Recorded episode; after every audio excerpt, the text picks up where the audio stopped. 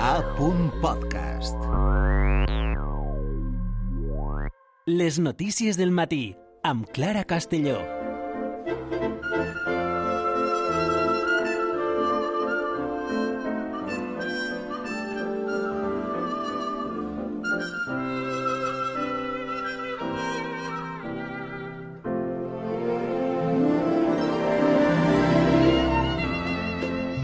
Comencem el mes de març de la millor manera possible amb l'estrena de la que diuen pot ser la gran pel·lícula del 2024.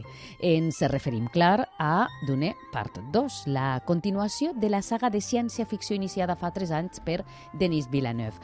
Pau Gómez és un dels que no faltaran segur, segur, segur, segur, avui a la cita. Bon dia, Pau, com estàs? Bon dia, molt bé, Clara. Jo tinc entrades avui i és una situació molt estranya Sí? Perquè me'n vaig en un amic Sí, meu de sí. tota la vida i en el meu fill major i en un amic seu. No em digues. És una quedada una miqueta... Una, sí, re- diferent, Uf, una quedada diferent, Una anem a deixar-ho estranya la que tinc, eh? ja ens contaràs. Me'n vaig a veure Dune 2. Eh, bueno, podem dir, Dune, perquè tot el món diu Dune, Dune, però sí. realment... El- el títol és Dune. Però tot el món la coneix com Dune. Dune. Mhm. Eh, aquella primera part eh, va deixar molt bon gust entre els fans i el que encara era més important, va triomfar en la taquilla fins al punt de que els estudis Warner donaren llum verda a esta nova entrega que arriba avui.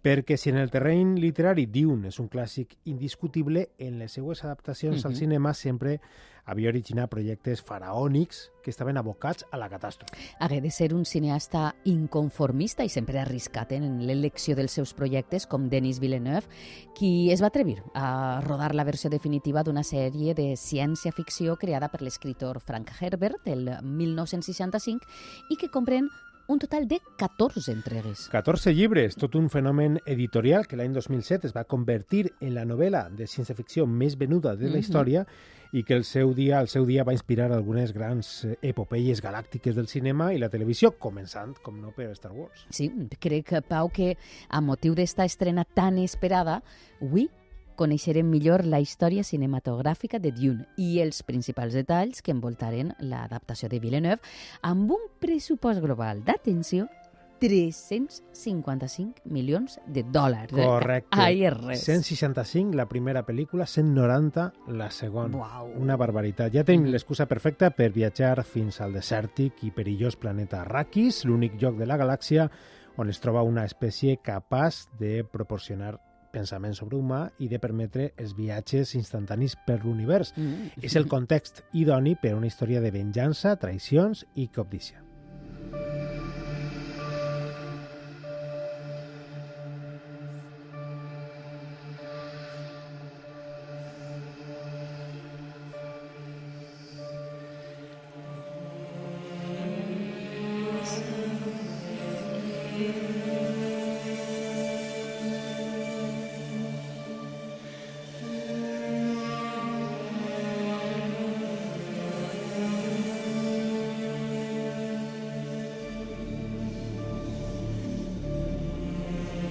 Just després de l'èxit inicial de la novel·la es va instal·lar a Hollywood la creença que adaptar l'imaginari de Herbert a la gran pantalla era una tasca pràcticament impossible. Sí, estaven convençuts de que mai es podria fer una pel·lícula de Dune. Només un artista tan extravagant com el xilè Alejandro Jodorowsky va ser capaç de desafiar la lògica fins al punt de plantejar als estudis una pel·lícula de 10 hores de 10 durada hores. amb dissenys de Moebius i Giger, Orson Welles i Salvador Dalí en el repartiment Mm. i Pink Floyd fent la banda sonora. Era evident que un projecte així no, no tenia moltes possibilitats d'eixir avant i l'intent va quedar en suspens fins que el productor italià Dino De Laurentiis va comprar els drets a principis dels 80 amb la intenció de crear la seva pròpia sèrie espacial. Sí, el problema era que el director escollit, David Lynch, era l'antítesi del director que una producció d'aquest tipus neces- necessitava i al final la cosa va acabar esclatant. Un caos que va començar quan intentaren condensar tota l'obra de Herbert en una única pel·lícula de dues hores, la qual cosa només podia derivar en un galimaties incomprensible per als espectadors. Sí, a més, saps què passa, Clara? Que en la pel·lícula, que dura dues hores, Uh -huh. eh, és, claven tot el llibre sencer. Uau. De fet, la, les dues pel·lícules de Villeneuve són el primer llibre només. Sí. O sigui, clavaren en dues hores eh, el primer llibre i els actors parlaven més a pressa per a, Ah, que... per a condensar. Eh, claro, és tot superràpid. bueno, també per al mateix Lynch, eh, que es va enfrontar públicament a Dino de Laurentiis i va perdre qualsevol control creatiu del muntatge final. Va acabar repudiant la pel·lícula Sí? i encara avui es nega a considerar-la seva per a ell. No, no, no l'ha diu, feta. No és, forma part de la No seva feta. La casa de Atreides prepara un ejército secreto utilizando una técnica desconocida para nosotros, relacionada con el sonido. El duque es cada vez más popular en Landsrat. Podría amenazarme. He ordenado a la casa de Atreides que ocupe Arrakis y mine la especia, reemplazando así a sus enemigos, los Harkonnen. La casa de Atreides no se negará debido al tremendo poder que ganaría con esta acción. Luego, en el momento preciso, el barón Harkonnen regresará a Arrakis y lanzará un ataque sobre la casa de Atreides. Le he prometido al varón cinco legiones de mis tropas de terror Arstauca.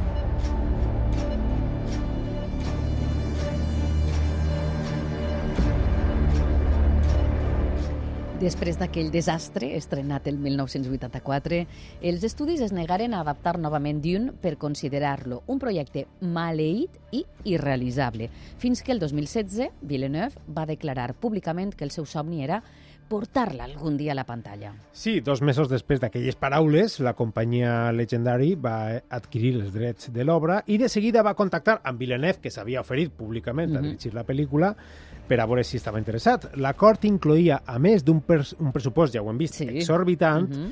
una absoluta llibertat creativa, le- l'elecció dels guionistes i les localitzacions i, per descomptat, també del repartiment. I això li va permetre reunir un impressionant elenc d'estrelles consagrades i emergents. Sí, amb el jove actor canadenc eh, Timothée Chalamet al capdavant, com el Mhm. personatge messiànic de Paul Atreides, el protagonista, secundat per noms tan importants com Oscar Isaac, Rebecca Ferguson, Zendaya, Josh Brolin o Javier Bardem. Fins i tot Mhm. va intentar que Sting, Ah. que tenia un paper en la pel·lícula de David Lynch, farà una xicoteta intervenció, però Mhm. va ser incapaç de Mm, conversar. vaja. L'equip tècnic també era de primer nivell, incloent el compositor més cotitzat de Hollywood ara mateix, Hans Zimmer. Sí, de fet, el que estem escoltant i escoltarem forma Mhm. part del seu treball per a Dune. Tant de poder de decisió tenia Denis Villeneuve que fins i tot va aconseguir que les escenes del desert es rodaren en paratges naturals i Mm. no en un estudi on les tècniques actuals permeten ambientar una escena en un ambient desèrtic amb total versemblança. Si tu ara veus una pel·lícula ambientada en el desert, el Sí. més probable és que Mhm. no estiguen en el desert. Clar. És una pantalla Sí. de eh. 360 graus, un estudi circular, Mhm. on en, en tota la paret es projecta la imatge d'un desert. Però no estàs allí no estàs en físi- el desert, físicament. Però ell sí que anà eh, cap allà. Eh, tan detallista va ser el director que va rodar en tres deserts de tres països diferents. Concretament a Jordània, Abu Dhabi i els Emirats Àrabs. En este últim cas, al desert de Rub al-Khali, Mhm. el desert d'arena més gran del món. Amb este nivell de perfecció que estem contant, la nova Dune només podia sonar així de bé.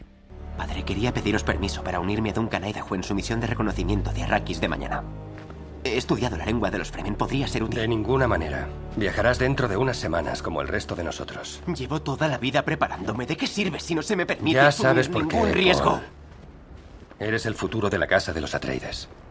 Te necesito a mi lado. Cuando lleguemos a Arrakis nos enfrentaremos a un gran peligro. ¿Qué peligro? ¿Los Fremen? ¿El desierto? Un peligro político. Las grandes casas esperan de nosotros el liderazgo. Y eso es una amenaza para el emperador. Al quitarles a los Harkonnen Arrakis y dárnoslo a nosotros, ha sembrado el germen de una guerra que podría debilitar a ambas casas. Pero si nos mantenemos firmes y explotamos el verdadero poder de Arrakis, podríamos ser más fuertes que nunca. ¿Qué queréis decir? ¿Extrayendo la especia y manteniendo a raya a los Fremen? ¿No seríamos mejores que los Harkonnen? No. Formando una alianza con los Fremen.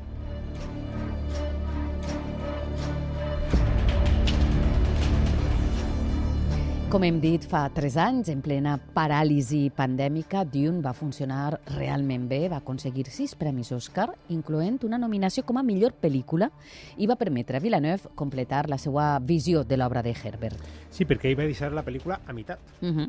Adaptava el primer llibre i es va jugar realment, eh, va ser una aposta arriscada, perquè la pel·lícula no té final. Para, l'acció, fin. Oh. I si la pel·lícula no haguera funcionat a taquilla, mai s'haguera fet Una segona part. parte 2, que és la que s'estrena avui. Bueno, amb una pel·lícula, esta segon part, que fa dos dies es va convertir en, en la millor valorada de la història, de tota la història del cine. Esta segona ja, ja. En el portal IMDB, que és el Mhm. portal de referència per als cinèfils, amb una puntuació mitjana de 9,4. Tot el món parla meravelles d'esta odissea espacial que comença amb Paul Atreides, unit a la tribu dels Fremen i començant un viatge espiritual per venjar la seva família i evitar una terrible visió que pot significar la destrucció de tot l'univers. Jo sé, Clara, que tu estàs desitjant. Jo t'he dit, mira, anem a confessar la veritat. Anem a confessar la veritat. Dit que no sóc una, una fan de les pel·lícules de ciència-ficció, però eh, m'estan entrant unes ganes d'anar al cinema, t'ho dic de veritat, Sí, de eh? veres que que, que ho faré, ho faré i aniré a, a veure-la. Una seqüela encara més portentosa i espectacular que la primera part, on, el, on els rostres ja coneguts se n'afe- se n'afegeixen d'altres especialment rellevants, Pau. Sí, com ara Florence Pugh, recentment vista a Oppenheimer, Sí, Austin mhm. Butler, que era l'Elvis Presley del biopic que va estrenar el 2022, o el llegendari Christopher Walken. Mhm. I a diferència de la pel·lícula original, que eh, es va rebre amb molta més incertesa pels fracassos de les adaptacions prèvies, ara les expectatives, com comentava, sí que estan pels núvols. Sí, sembla que estem davant d'un dels eh, grans èxits inevitables de l'any, i atenció perquè Villeneuve ja ha anunciat la intenció de tancar la trilogia Oh. amb una tercera part que es basaria en el segon llibre, El Messies de Dune. De moment, escoltem com de rotunda dona esta Dune part 2.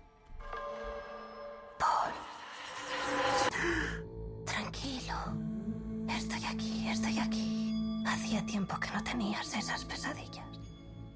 Dime, ¿qué has soñado?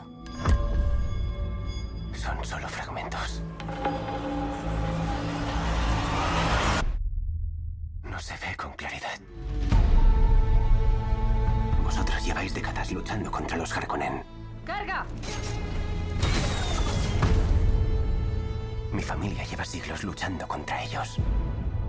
Tienes sangre de duques y de grandes casas. Aquí somos todos iguales. Lo que hacemos es en beneficio de todos. Me encantaría ser igual que tú. Tal vez te enseñe el camino.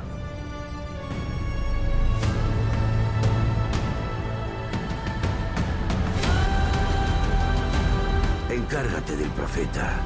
Manda asesinos. Fate Rauza es un psicópata.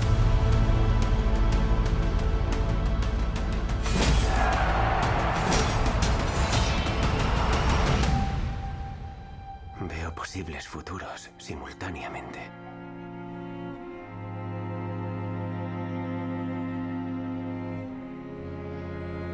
En este punt parem atenció un moment a la trajectòria de Denis Villeneuve, considerat un dels cineastes més visionaris del moment i també un dels més atrevits, capaç de convertir en imatges el que altres directors ni tan sols es plantejarien. Un home que va néixer a Quebec fa 56 anys, capaç de portar a la pantalla la terrible matança de la Universitat Ah, de sí. Montreal l'any Mhm. 89 a la pel·lícula Politécnico d'adaptar una de les obres de teatre més aborronadores de la història a incendis. Atenció a aquesta pel·lícula perquè té el final més increïble que jo he vist Sí. mai en la meva vida. Incendis. Qui no hagi Mhm. vist aquesta pel·lícula ha de veure-la, però ha de veure-la tenint un bon dia.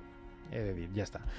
Bueno, també pot desmuntar l'ideal de família americana en Presoners o de construir un relat sobre la incomunicació a partir d'un flash-forward a una pel·lícula magistral per a mi la seva la favorita, La sens dubte, de Villeneuve, que és Ujú. L'arribada.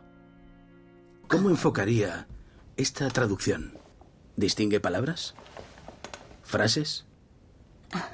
No, no sé. ¿Qué puede decirme?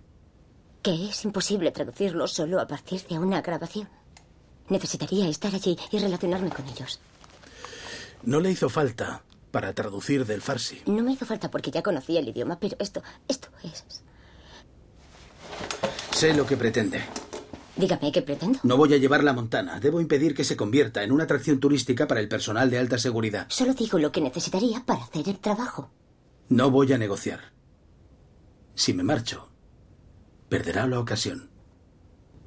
Buenos días. Coronel. Ha mencionado Berkeley. ¿Va a pedírselo a Danvers? Tal vez. Antes de contratarlo, Pregúntele cómo se dice guerra en sánscrito y su traducción. Es un número de serie. Vale. Joe. ¿Qué quieres, Joe? Quiero hacerte unas preguntas. ¿Cómo cuál? ¿Cómo se llamaba? La madre de tu hijo. Si el que estem escoltant Sí. és una fusió de dos grans pel·lícules de Sí. Denis Villeneuve. Mhm. Abans escoltàvem La llegada. Correcte. I això que escoltem és eh, un tall de Blade Runner 2049. Mhm. eh, no podem oblidar, eh, Pau, eh, que Villeneuve potser és l'únic director del món decidit a rodar a Ciudad Juárez amb escorta policial quan va fer Sicario. Sí, ell no se conformava en rodar en un estudi o en una ciutat semblant. No, tenia No, que rodar en. Ciudad Juárez d'anar i en tota la, bueno, tot, totes les eh, pandilles eh, no massa recomanables de la ciutat perseguint l'equip de producció per a intentar eh, bueno, Mhm. matar-los, evidentment. Sí. Clar.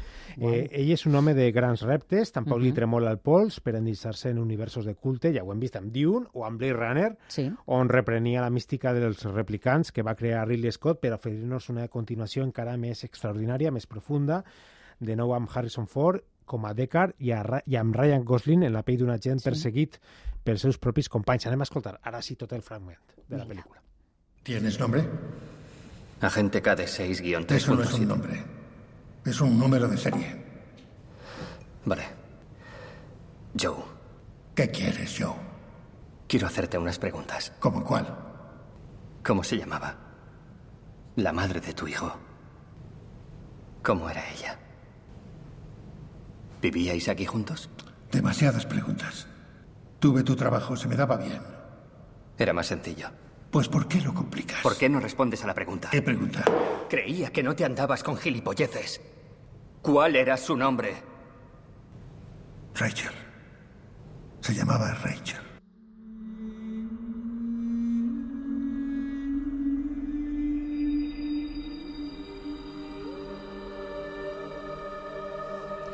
I una cosa, Pau, no tots saben que un dels col·laboradors que ha tingut Denis Villeneuve al llarg de la seva carrera és espanyol. Sí, és guionista, és de Logroño, li diuen Javier Gullón, i en el seu dia va escriure una altra de les pel·lícules de culte absolut d'este director, Enemy, basada en un llibre de José Saramago. Mm, Crec, a més, que són molt bons amics des d'aleshores. Sí, nosaltres hem convidat a Javier a unir-se a este especial, però evidentment el fet de viure a Mm, Los clar. Ángeles a aquestes hores Sí, li ha impedit complicat. entrar en directe. Així és que li hem preguntat sobre Villeneuve i molt amablement Mhm. ens ha fet arribar les seues impressions. La primera sobre com es van conèixer, tots dos. Pues eh, como Denis llega a mi vida, estaba en Canadá, en Toronto, porque estaba trabajando en un guion de una película que había escrito y el productor canadiense, que es un productor eh, bueno, muy experimentado y respetado en Canadá, me dijo, eh, léete este libro y quiero que conozcas a un, a un director.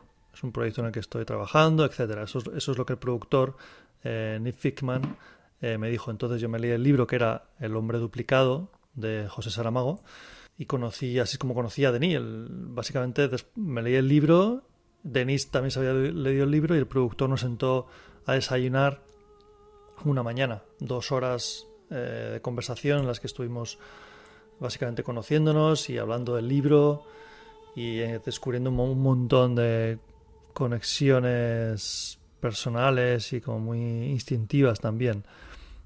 Y, y nada, y así es como así es como empezamos a trabajar. Y, lo mejor de esa reunión es que disparó el proyecto de alguna manera, porque los dos veíamos el mismo tipo de película en el libro de Saramago y, y los dos vimos que veíamos incluso el cine de la misma manera casi.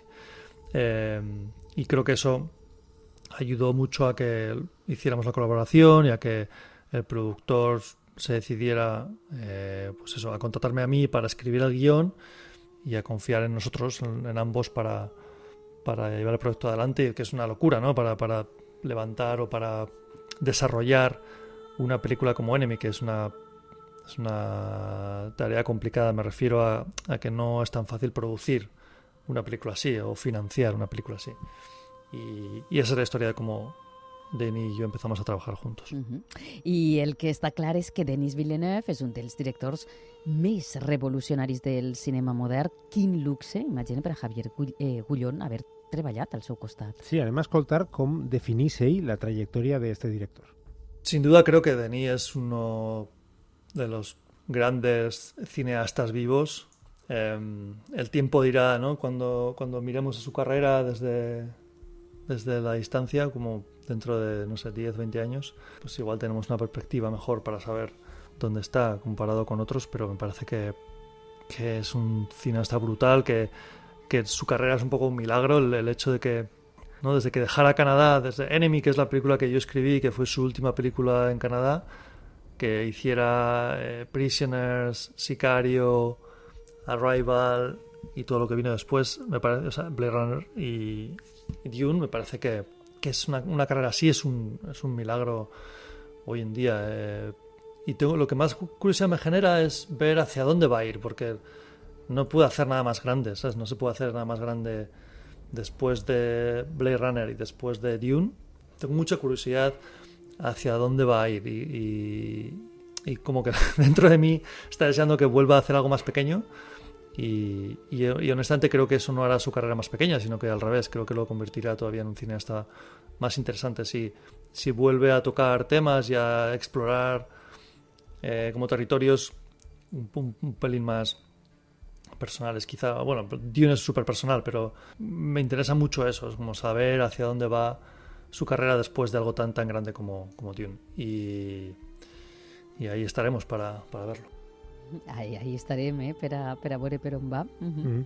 Diu Javier que li agradaria tornar a veure Villeneuve al davant sí. d'un projecte uh -huh. més xicotet, més personal. La pregunta és, a ell com a guionista? Ah, a veure. Hombre, pues por supuesto que me encantaría repetir la experiencia en el futuro. Yo creo que cualquier guionista quiere trabajar con grandes directores. ¿no? es una obviedad, pero, pero en el fondo es lo que los guionistas necesitamos y buscamos. Son directores que, que tengan talento y que conecten o que entiendan la manera en la que uno escribe. Y pff, yo, yo, tuve mucha suerte de trabajar con Denis y me encantaría repetir, por supuesto.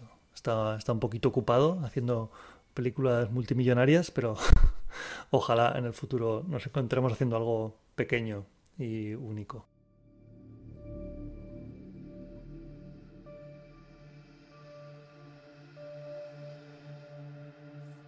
Un projecte xicotet i únic diu, no, home, no, un projecte gran també, ell, per a guionitzar. Okay. Sí, el que passa és que Javier és més de, més de pel·lícules més sí, independents, més... més eh, no tan multimilionaris. Sí, no de tant d'efecte especial, que és el que està fent ara Villeneuve en este uh -huh. moment de la seva carrera, però jo estic convençut de que Villeneuve tornarà a fer aquestes pel·lícules més independents, i uh -huh. per què no amb Javier Gullón. Jo vaig a dir directament, Clara, que per a mi el futur del cinema, més del cinema Hollywood, uh -huh. és eh, Denis Villeneuve i Christopher Nolan. Sí, D'ací 20 anys seran els Scorsese i Spielberg d'aleshores, de, de la nova generació. En parlarem d'ací a 20 anys, dius? Eh, no sé, tant de bo, tant de bo jo estic jubilat, però, però, però pot ser que amb la marxa que portem pot ser que no hi estiguem així parlant. parlant de... no, si no sí. en parlarem en privat en un, en un cafè. Eh, així acabem este repàs per la trajectòria de Villeneuve amb esta estrena avui. Dune, segona part. Gràcies per haver-nos portat este, este tema i ens trobem la setmana que ve, d'ací set dies. Així estarem, un plaer. Que vagi molt bé el cap de setmana i avui, eixa, després ens has de parlar de, sí, de com de la sensació avui. tan estranya sí. de veure Dune amb el teu amic de, de fer-te canyes i amb el teu fill. Molt bé, Sí. doncs eh, que vagi molt bé, ja ens ho contes. Vinga, adéu. adéu.